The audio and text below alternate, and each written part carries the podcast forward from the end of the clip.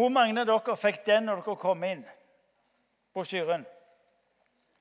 Det er altså en brosjyre om å være med på det som Gud gjør.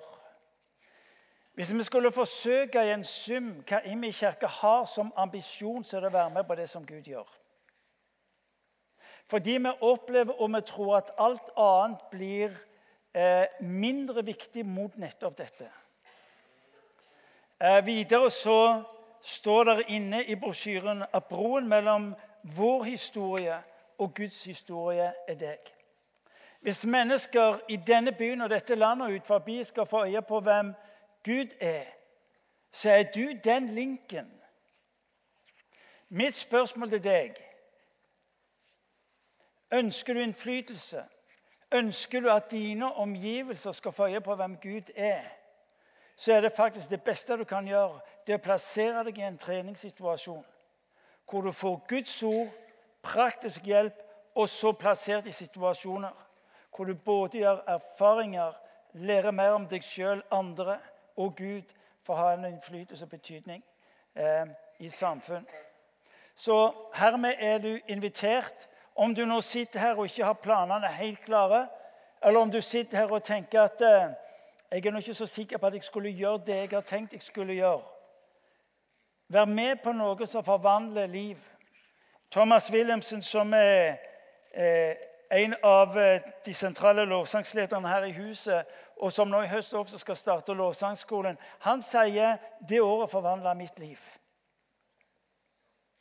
Uansett hvor gammel du er, hermed inviteres du til å være med på et år som forvandler livet ditt. For det som ligger foran deg, hør nå, det som ligger foran deg, eh, det er der du skal få lov til å se ditt liv har betydning og innflytelse. Så velkommen er du både til å ta denne brosjyren som ligger ved, utgangen, ved utgangsdøra. Solvår, hvis du reiser deg. Hun er daglig leder av skolen vår. Eh, der er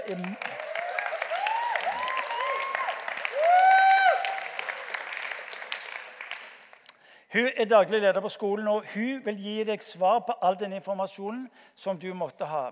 Så langt i år nærmer vi oss sakte, men sikkert nesten 40 studenter på første året. Og vi har eh, åtte på andre året. Så det blir et stort kull, og vi tror at det skal få lov til å være med å influere både våre liv her i huset og ikke minst eh, byen og området rundt her som Finn sier, og landet. Er det dekkende? Det er ikke alle som er fra Stavanger, og de sier du må slutte bare å snakke om Stavanger. Du må snakke om regionen. Dekker det? Ja, det er bra. I dag skal vi berøre et av kanskje de viktigste, men mest oversette tema som fins i våre liv som mennesker og i en menighet. La meg gi dere et eksempel. Eh, for en del år tilbake, ca.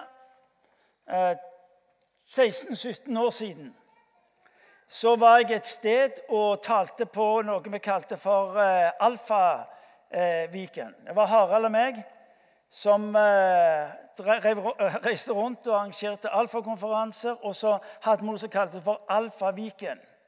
Vi var på et eller annet leirsted som jeg ikke husker, men det var vel en 70-80 deltakere der. Um, lørdag formiddag så er det meg som underviser, og jeg har altså en glimrende undervisning.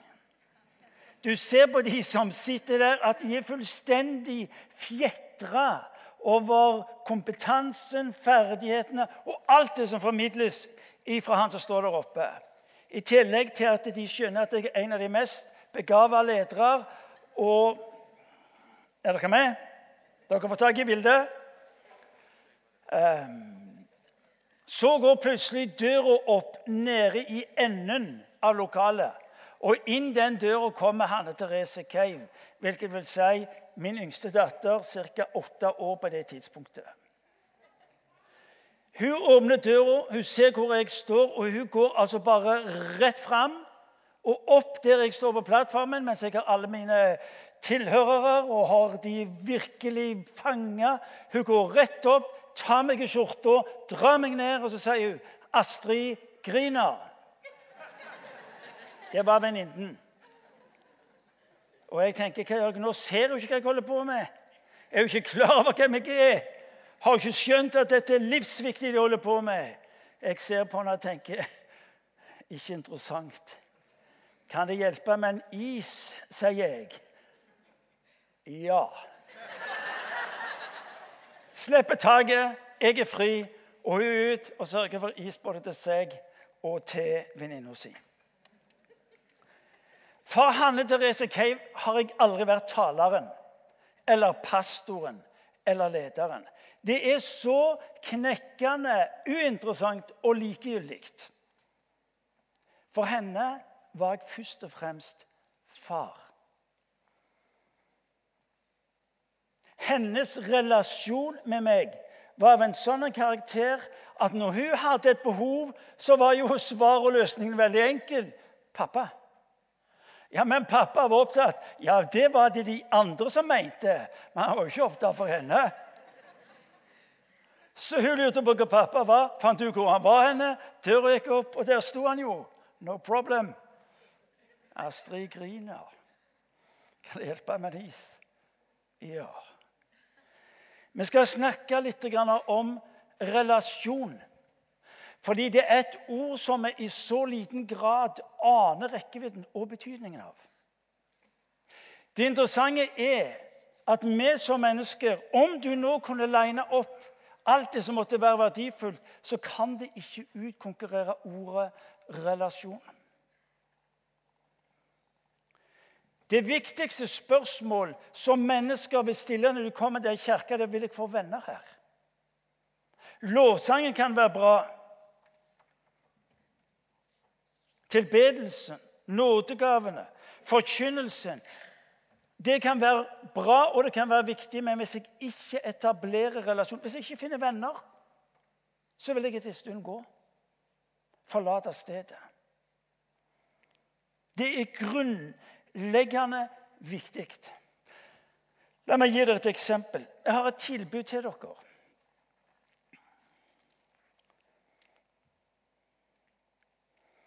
Jeg har tro det eller ei, men jeg har en venn som er milliardær. Og Han har sendte meg en mail her om dagen og sa jeg ønsker å tilby et menneske i IMI det mest unike som tenkes kan. Det som skjer i denne menigheten, gjør et dypt inntrykk på meg. Og jeg ønsker å anerkjenne denne menigheten. at Dere plukker ut et menneske. Den som syns dette er interessant. Og så ønsker jeg å gi dem en gave. Og gaven er Jeg har ei øy i Stillehavet.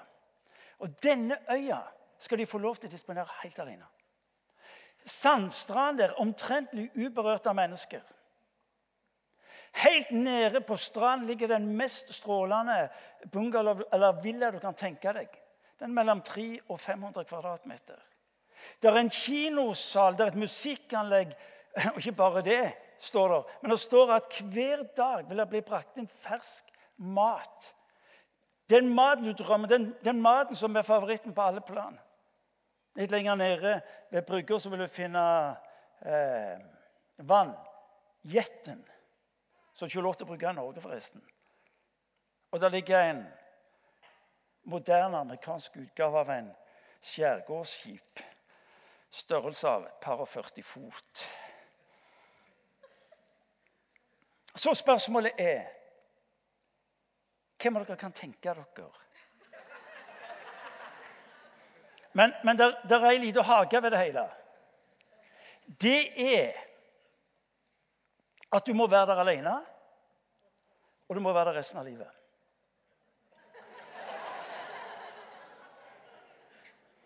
Du må være der alene, og du må være der resten av livet. Hvem kan tenke seg tilbudet? I det øyeblikket du isoleres fra andre mennesker, i det øyeblikket relasjonen ikke lenger er nærværende, virkelig, så er det ikke interessant. Fordi livet ditt vil orienteres ut ifra relasjoner som du har. Når mennesket ble skapt, så står det at om mannen at det var ikke godt for han å være alene. Så kvinnen kom til. Og så leser vi at relasjonen mellom Adam og Eva i hagen og Gud er en åpen relasjon. Det var tydeligvis de omgikk hverandre på en måte hvor det var godt å være sammen. Syndefallet er ikke primært at mennesket var opprørsk og vendte Gud ryggen. Syndefallet dypeste konsekvens er at relasjonen ryker. For i det øyeblikket hvor mennesket vender Gud ryggen, ryker relasjonen. I det øyeblikket hvor mennesket velger å være herre sjøl og bestemme, ha makten og innflytelsen I det øyeblikket røyk relasjonen. Og siden så har mennesket høsta fruktene det på alle livets plan. Du kan være så rik som du bare vil.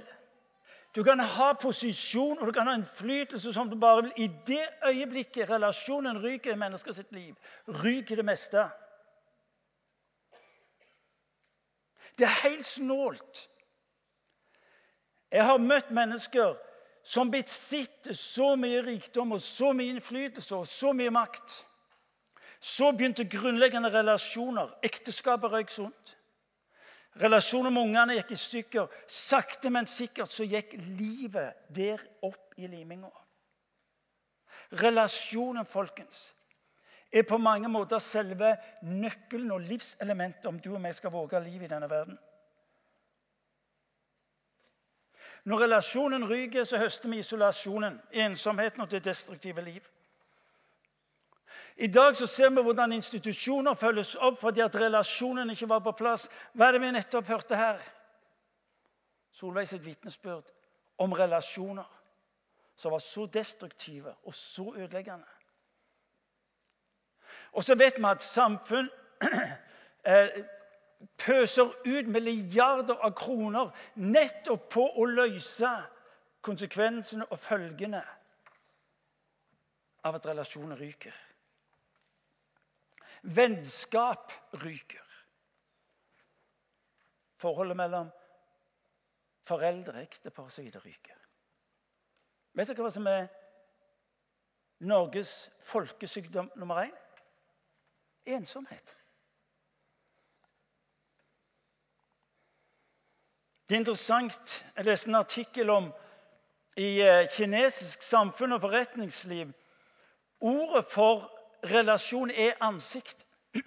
Det vil si at før du begynner å snakke om business med kineserne, så etablerer du relasjon. Og hvis du forsøker å pushe det, så viser du altså manglende respekt for den du snakker med.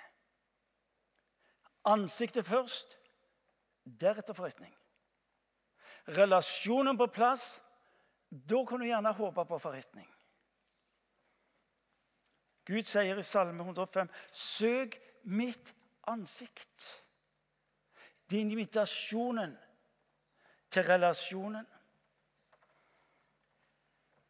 Viktigste faktor for læring for barn og ungdom, det er om relasjonen mellom lærer og elev er god. Det er én av hovedfaktorene om ungene skal lære på skolen inn i dette hvorfor Kirka.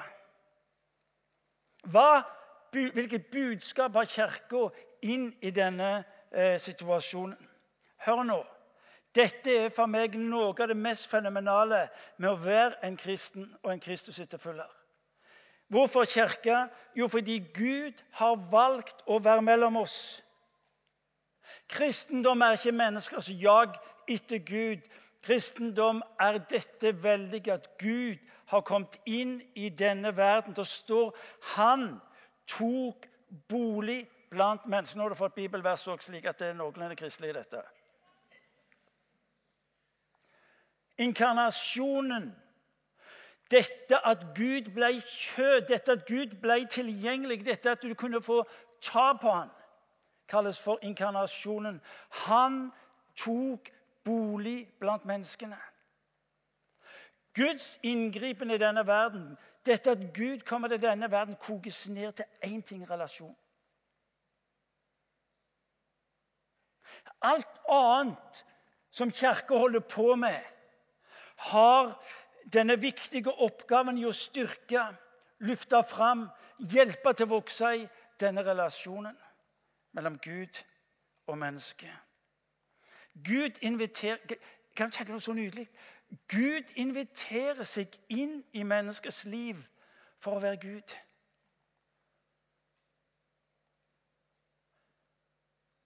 Det er altså så nydelig sagt. Gud inviterer seg inn i ditt og mitt liv for å være Gud. Og det er du og meg som ofte begynner med regnestykkene hvem som passer og hvem som ikke passer. Når du og meg begynner å klassifisere nei, det livet kvalifiserer ikke, og, og det gjør det i hvert fall ikke, og så, og så står det så høyt at Gud elsker verden eller menneskene. Alle slags mennesker.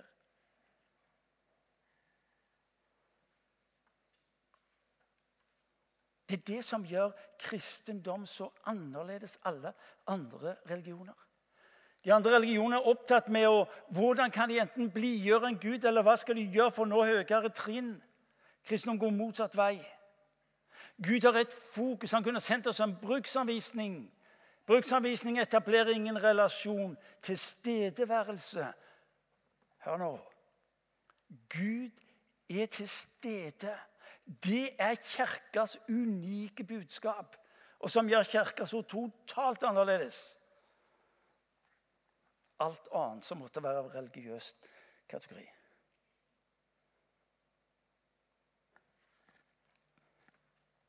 Får dere tak i det? Ja. Det er tre-fire stykker som nikker. Flott, Gjermund. Du nikker. Det var bra.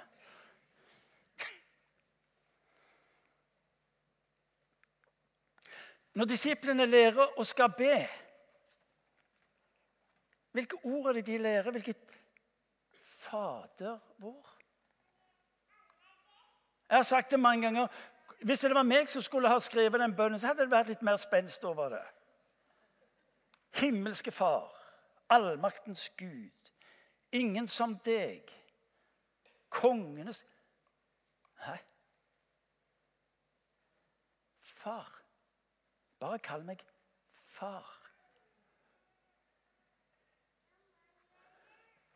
Far er et relasjonsord.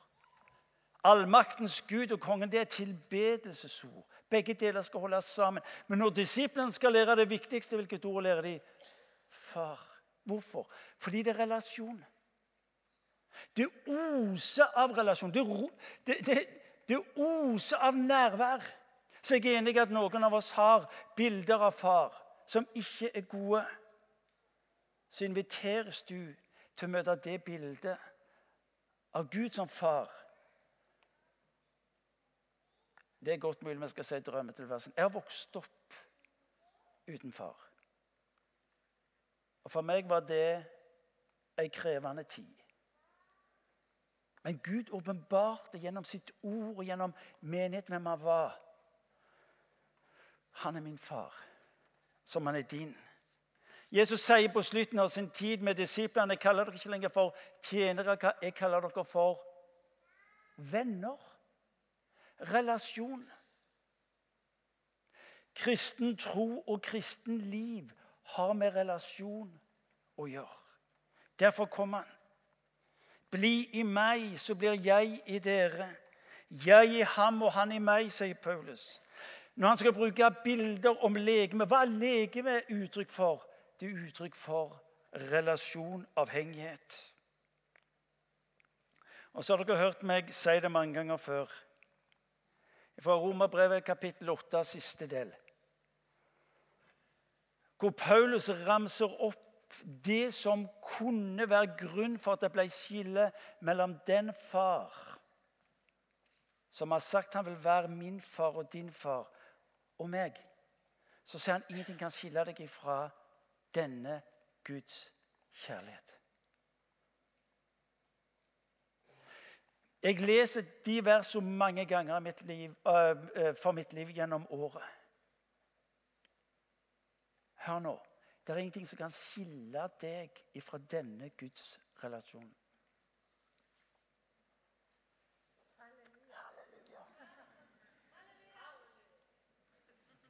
Hvis vi hadde vært en real pinsevenn eller noe sånt, så hadde vi dratt til. Hva sier de? Halleluja! Ja. ja, det betyr, Martin, at du, du kan ikke redusere hans kjærlighet til deg. Ja, men når jeg sliter med liv Ja, men hør nå, Det forandrer ikke hans forhold til deg.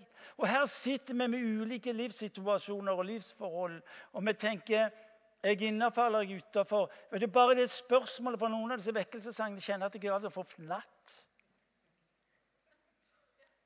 Innenfor eller utenfor. Jeg kunne lese meg, Hvis jeg er utafor, så er han òg der. Hvordan er det med deg, Martin? Jeg er utfor i dag. Ja, hvor er Nei, Han er der, han òg. Får dere tak i det? Innenfor eller utenfor? Jo, jeg skjønner den gode intensjonen, men for ei mare. Hvis livet mitt skal måles på det der Er jeg der eller er jeg der Ja, Uansett hvor jeg er henne, så er han der. For han har sagt at ingenting Martin, kan skille deg ifra min kjærlighet. Det mest dumdristige, det mest vågale som vår Herre opererer med, det kalles for nåde. Det, det, er det mest vanvittige ved kristen tro og kristenliv. Det er det som Bibelen kaller for nåde. For du er ikke i stand verken til å redusere det eller øke det fordi han elsker deg. Følg meg, sa han. Så får du alt det andre til. Følg meg! Følg meg! Det knyttes til han, og ut ifra dette vokser relasjonen. Det interessante er at med stor sannsynlighet var det få av de som fulgte han den gangen, var kristne i begynnelsen. Peter, Jakob og Johannes. Det er ingenting i Skriften som sier at de var kristne. Det står bare at de fulgte han. Det står litt senere at han blåste på dem. Eller åndet på dem, står det. Så det er godt mulig at det Jesus holdt på med. Han drev på med disippelgjøring med disiplene lenge for de var blitt kristne. Men han inviterte de inn i relasjonen med seg. Bare, nå fikk noen av dere noe å tenke på. Ja, Men det er faktisk tilfellet, det. Dette med om de var kristne når han starta med dem.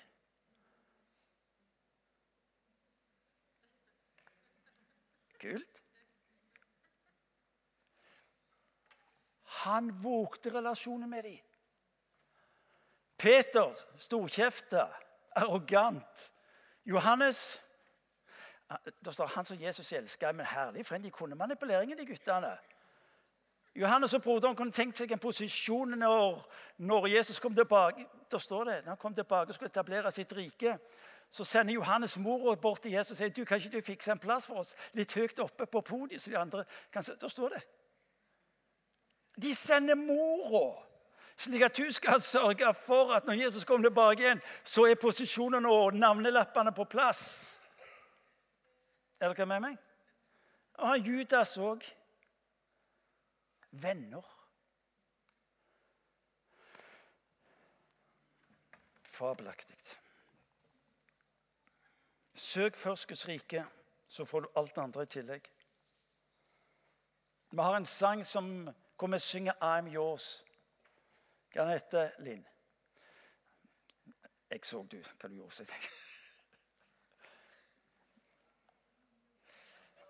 Jeg Var, den var intern. Jeg spurte Linn om noe. Vi synger en sang 'I'm yours'. Jeg er din. Og så ligger det mye nåde og trygghet i det. Men vet dere, jeg syns er fascinerende? Det å snu på det der og si 'You are mine'. Du, Gud den allmektige, du er min. Tenk den tanken. Jeg er din. Med alt det jeg trenger, ja. Så er det som om Gud sier, men hør nå Alt det jeg representerer, det er ditt. You are mine. Menigheten er lik Gud. Tygg og tenk. Menigheten er kalt til altså å være lik Gud. Et sted hvor Gud er å finne. Et sted for relasjon med Gud.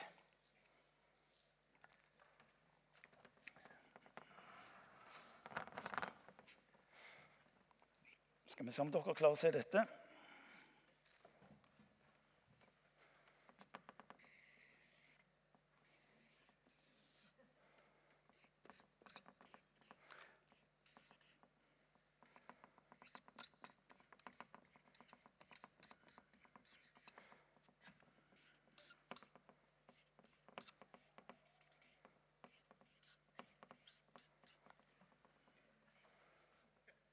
Trygve, ser du det? Tonje Ivar, ser du det? Ja, mye bløff i det svaret.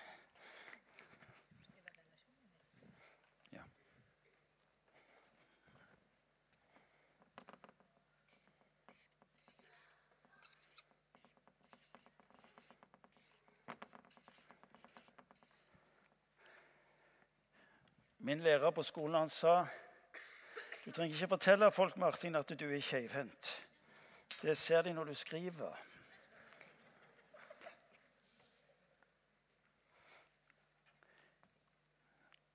Dere ser det sånn omtrentlig der borte, gjør dere ikke det?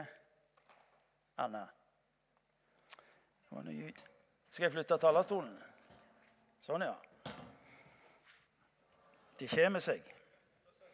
Ja, Da er mitt forslag flytt dere. ikke sant? Jeg ser hjem, så flytter jeg, da. Eller jeg hører ikke hjem, så kom nærmere, da. Når Bibelen gir oss et møte med Guds relasjoner, så tegnes den langs disse linjene. Relasjonen er snakk om det nærvær som mennesker har i denne verden, og som vi får lov til å være en del av. Dimensjonen mot far, Gud som far, er for oss den viktigste funksjonen. For ut ifra den vil vi se den vil eh, strømme videre til de andre. Når jeg skriver familie her, så er det menigheten. Venner er venner, kolleger, den, min fysiske familie. Gud kaller oss til å leve langs denne, i denne trikanten for nettopp å se relasjonen bety en forskjell i mennesker sitt liv. Det starter med Gud som far. Det er det unike. Det er det som gjør kristen tro og kristenliv så totalt annerledes. Det er at Gud gir oss muligheten for relasjon med Han, Faderen, men også den allmektige. Men også med Han som dør på et kors. Fordi at det som hindrer mennesket for å kunne ha den relasjonen, skal kunne motta den. Relasjonen for oss kristne går mot Far først, fordi den representerer utgangspunktet for et nytt liv tilgivelse for synd, ny frihet, tilgang til alt det vi som mennesker trenger til å ha behov for. Men denne relasjonen med Gud som far tar oss også inn i en ny familie.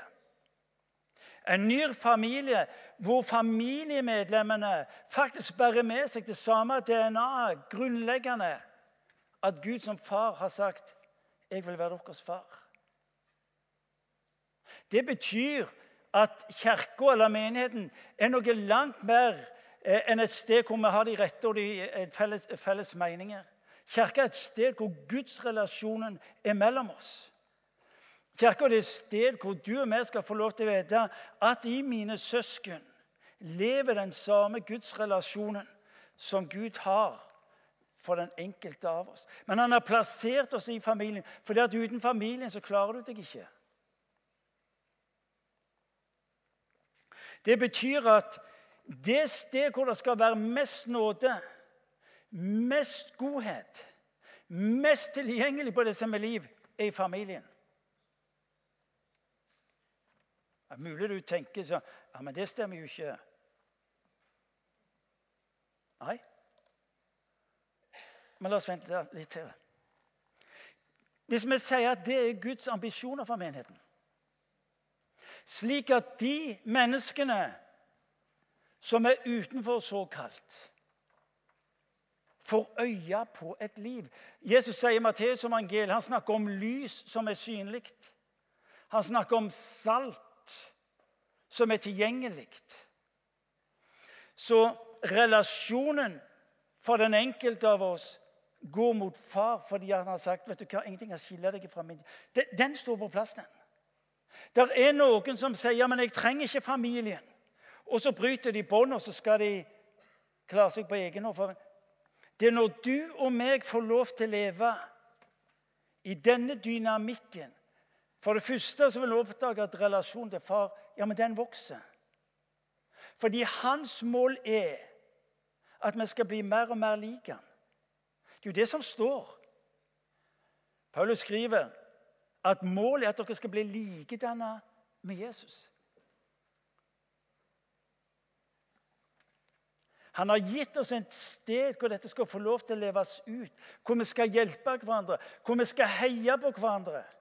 Hvor vi våger å være nær hverandre når livet går i stykker. Hvor vi våger å høre på hverandre når, når livet skulle vært annerledes. Eller når jeg kjenner svik i mitt eget liv, når jeg kjenner nederlagene i mitt eget liv, når jeg kjenner på behovene.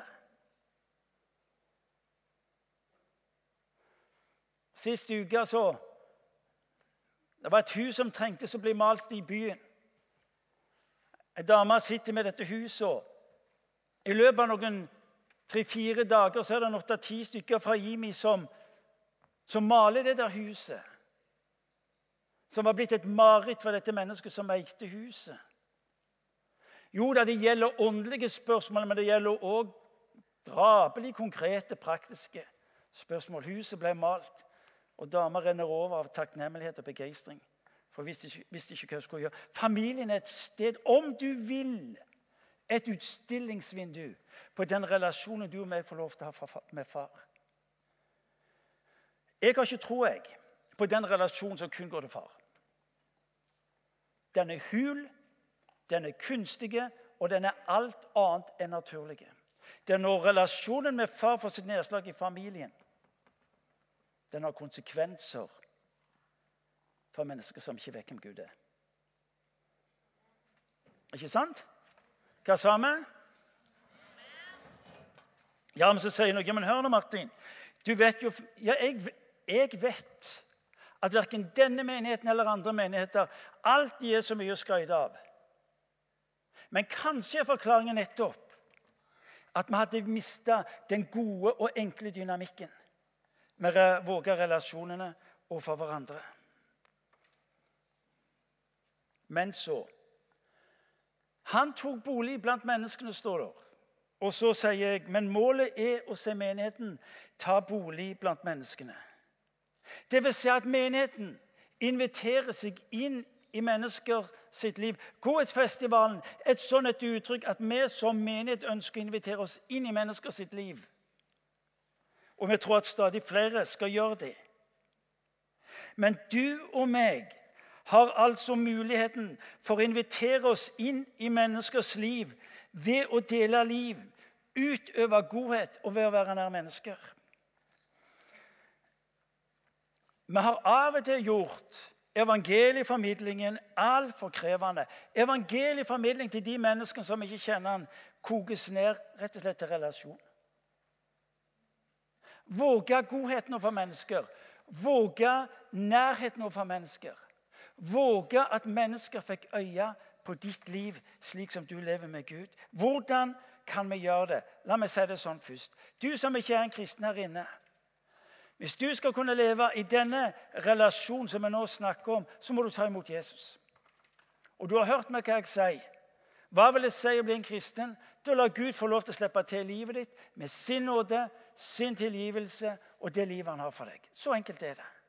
Du kan sitte her og du kan si, 'Jesus, hjelp meg til å se hva det innebærer.' 'Hjelp meg til å omfavne det og ta imot det.'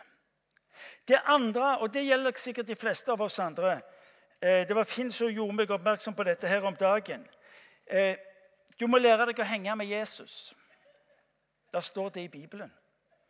Vi har alltid trodd at det var et moderne uttrykk, men, men det står faktisk i Lukas jeg må se, i Lukas 19, vers 18 det står det eh, Prestene og yppersteprestene var altså så fortvila fordi at eh, de ønska å ta livet av Jesus, men de kunne ikke. Og så står det fordi alt folket hang med Jesus.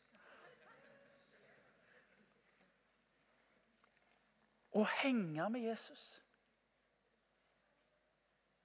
Hvis du og vi skal leve i den relasjonen som vi inviteres inn i, så må vi henge med han.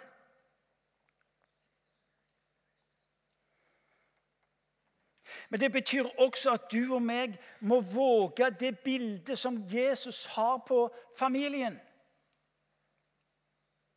For å kunne invitere inn i de gode relasjoner. Måltidet.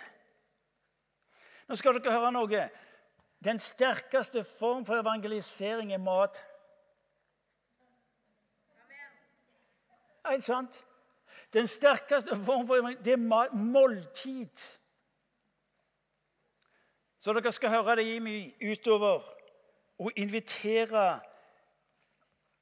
familien og venner på måltid. Skap relasjonene. Jo da, det er viktig med strategi. Det er viktig med planer. Men hvis det ikke vokser ut fra relasjonene våre, så blir det bare aktiviteter. Alle kan invitere til mat. Alle kan invitere til noe som er godt. Og så er det altså det som blir nøkkelen. Rodney Stark har dere hørt meg sitere noen ganger. Han har altså et vitenskapelig materiale lagt til grunn for å undersøke hva som var nøkkelen i den første, eller urkirkens utbredelse. Det interessante er, Mens vi hele veien har trodd at dette hadde med vekkelser, store vekkelser å gjøre, så viser det seg at det starter med noen få som våger nettopp relasjonen. Nøkkelen for den første kristne kirke var nettopp relasjonen. Det var det å være nær mennesker. Det var det å våge måltidet med dem. Det var det å våge smerte når epidemiene og krigene eh, kom over de ulike landene. Rodney Stark forteller at nøkkelen i urkirken var nettopp relasjonen. Og så skal vi få lov til å se at ut i familien, ut ifra familien, med relasjonen, skal vi få se at vi skal nå stadig flere og flere mennesker med budskap om den Gud som er god, og som ønsker det gode for mennesket. Jeg skal begynne å slutte. Fortell meg hvem du er sammen med, og jeg skal fortelle deg hvem du blir. Beretningen ifra Beretningen fra Josva kapittel 2 fascinerer meg og har alltid fascinert meg. Det er vitnesbyrd om Josva som sender speidere inn i det lovede land. Der de, eh, kommer de inn i huset til den prostituerte Rahab. Rahab velger å skjule dem fordi at eh, kongen har sagt at vi må finne dem, og så må vi ta livet av dem. Og så sier Rahab, byen skjelver, for vi har hørt hvordan Herren har handla med dere. Vitnesbyrd om hvordan Herren for israelsfolket hadde handla med dem. Hadde gjort at folket var blitt redde. Og så står det da vi hørte om det, smeltet hjertet vårt bort, og vi mistet motet på grunn av dere. For Herren deres Gud er Gud både i himmelen der oppe og på jorden her nede. Omgivelsene kjenner det på lukta, holdt jeg nesten på å si. Jeg har en drøm at når folk kjører forbi Imi kirke, så skal de se vet du hva, der er Gud. Hvorfor all verden sier de ikke det? I det huset der, der er Gud. Altså ikke bygninger, men de folka som er der. Der er Gud. Har du problemer, så må du gå der. Ja, men jeg er ikke kristen. Ja, men det gjør ikke farlig det. De sorterer ikke til det. Relasjonen. Det er noe som de folka har, som gjør at de, de, ønsker, de ønsker, å velsigne byen. Ja, vi går og henter dem fra. Jeg vet ikke hvor de henter dem fra, men Gud er der visstnok. Jeg hørte et vitnesbyrd her på lørdag som dere skal møte litt senere, som gjør et sterkt inntrykk på meg. En, en, en ung gutt som er blitt helbredet. En så dramatisk helbredelse. Ikke kristne sier men det er jo fantastisk å se hva Gud gjør. Vet du hva Flesteparten av de kristne har sagt? Ja, hvor lenge varer det? Altså, Vi må snu den der mentaliteten, for de folket der ute har ikke sagt nei til Gud. De vet bare ikke hvordan han ser ut. De aner bare ikke hvordan de skal få kontakt med han du og meg får lov til fordi han har erklært at han vil være vår far. Så er du og meg gitt den unike muligheten til å sette andre mennesker i nærkontakt med Gud den allmektige. Du blir mer lik han jo mer du er sammen med han. Rahab sier, 'Vi har hørt'. Vi har hørt. Hør nå. Vi er på vei til å starte opp høsten. Vi har ikke kommet skikkelig i gang ennå. Vi er litt begynt på oppstartssida. Jeg har et ønske, en drøm og en bønn. Det at og vi får lov til å leve i dette ubegripelige at Gud Fader har sagt 'Jeg vil være din venn, din far, din Gud'. Og så skal du sammen med min familie få lov til å være til en slik en velsignelse, slik at de folka der, hva vil de gjøre? De vil begynne å søke Gud fordi Jesu navn ble løfta opp. Jesus har et ansikt, han, og det er ditt. La oss be. Herre Jesus Kristus, jeg takker deg. Fordi du kom til oss og inviterte deg inn i våre liv. Ubegripelig at du gjorde det. Herre, du visste hvem vi var når du kom. Og du visste hvordan vi ofte igjen og igjen surra til livene våre. Men du trakk deg aldri ut, aldri vekk. Så kjenner du våre liv, det enkelte av oss som sitter her nå. Og vi har en bønn om at du, Jesu Kristi Far, kommer til oss. Herre, du kjenner oss. Og vi ber for om å få øye på storheten i dette, den relasjonen du har tatt oss inn i. Og så ber jeg for om at du skal la som, som menighet og som forsamling få lov til å være den familien her, som, som er umettelig på relasjonen med deg og med hverandre. Slik at de menneskene, våre venner der ute, navnløse som mange av de er, skal erfare at du er Gud, du er god, og at du har tatt bolig midt iblant oss. Herre, vi tilber deg, vi opphøye ditt navn. Amen.